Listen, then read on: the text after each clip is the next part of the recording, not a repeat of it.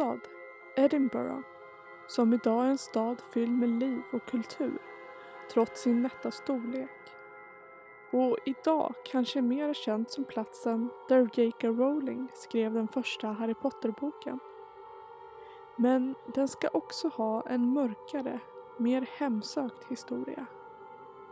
Enligt vissa så ska det finnas en stad till. Under Edinburghs gator. En undangömd, mörk, mystisk, bortglömd metropol. Där det ska finnas miltals med gator, tunnlar och hus för evigt dömda att döljas i mörker. Andra menar att detta är helt och hållet fantasier, urban legends, för att göra staden mer intressant än vad den är. Men sanningen ligger någonstans däremellan. Det finns delar av en stad undangömd under det som idag är marknivån. Där ska enligt många finnas tunnlar, hus och gator där bostäder och byggnader byggdes på 1700-talet ovanpå för att lösa den bostadskris som skedde efter den industriella revolutionen. En av dessa mytomspunna gator, som faktiskt finns i verkligheten, heter Mary Kings Close och ska vara en av Edinburghs mest hemsökta platser och har varit en central punkt i Edinburghs historia sedan 1600-talet såväl som del av stadens mytologi och folktro. Vem Mary King var vet man inte säkert. Namnet kan ha syftat på Mary Queen of Scots eller till och med Mary den första. Men gatan och gränden i sig skulle nog inte gått till historien om det inte var för den pestepidemi som bröt ut i Edinburgh år 1645. Jag är Gustav Passion och detta är en blodig historia.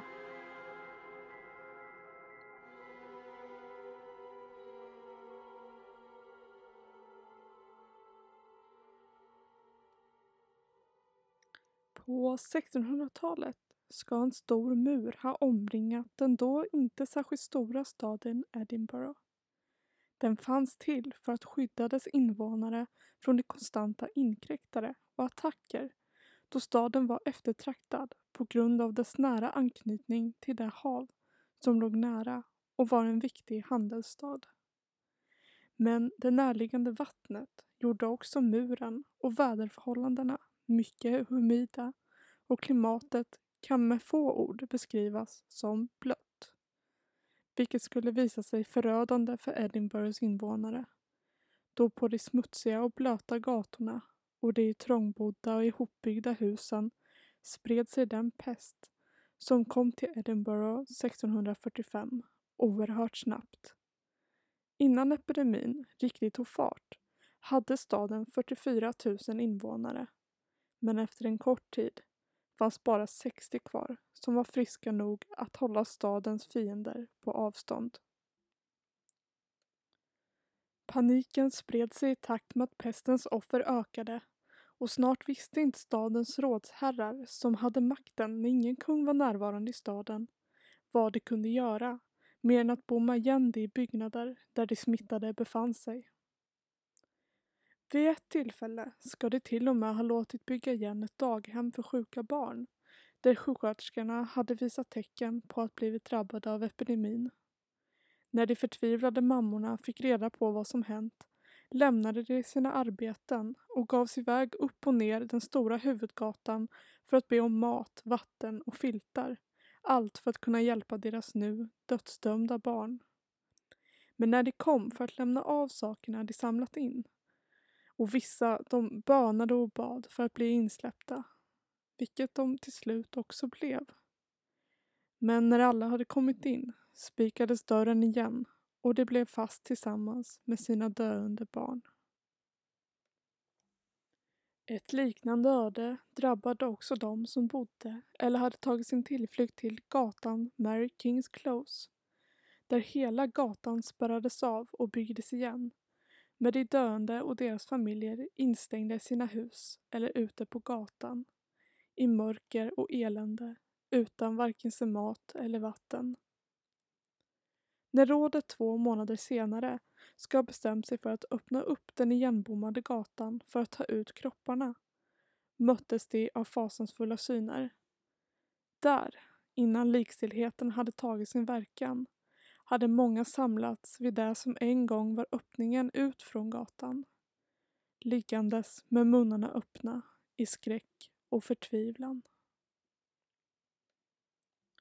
De män som hade fått i uppgift att göra sig av med liken bar örtfyllda masker, vilket vi idag vet inte skulle gjort någon nytta eftersom pesten spreds av råttloppor. När de systematiskt drog ut kropparna på gatan utanför och så styckade de dem för att det skulle bli lättare att transportera och forslade dem på stora vagnar till en plats precis utanför stadsporten kallad The Meadows som idag är en mycket grönskande och fertil park.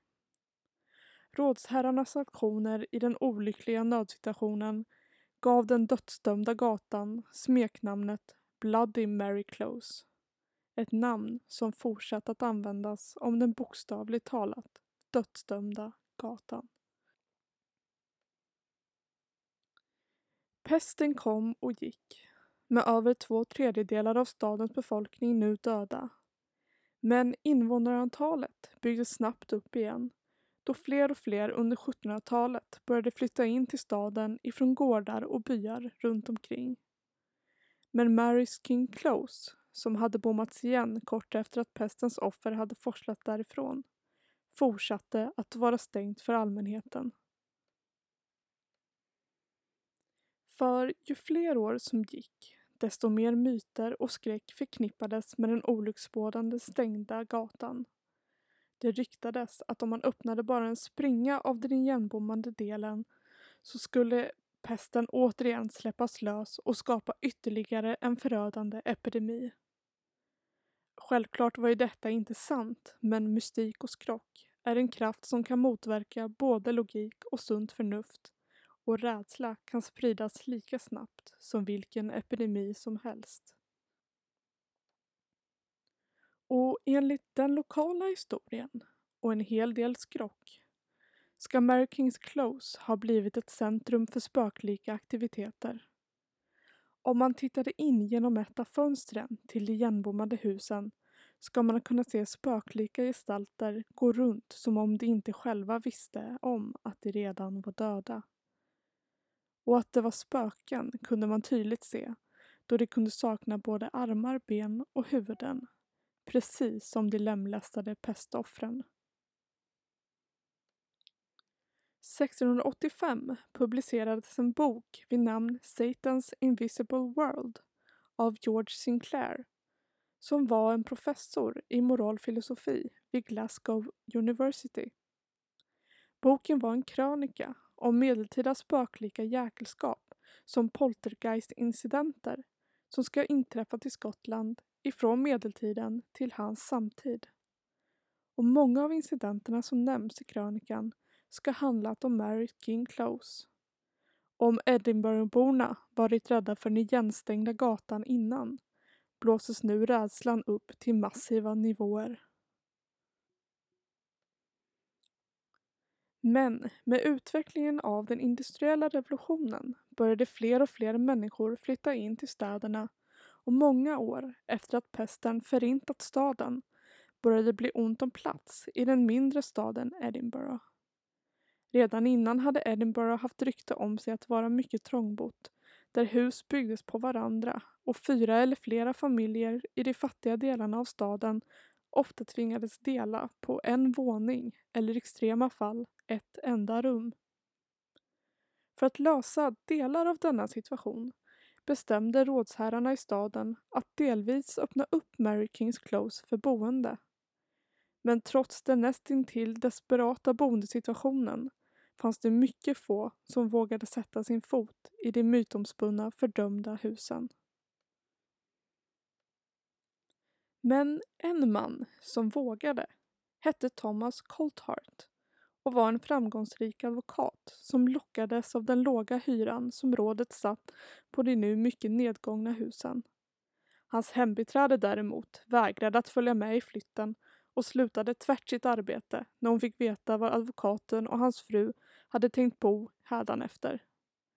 Cold Heart ska även ha varnats av flera i sin umgängeskrets att inte utmana ödet.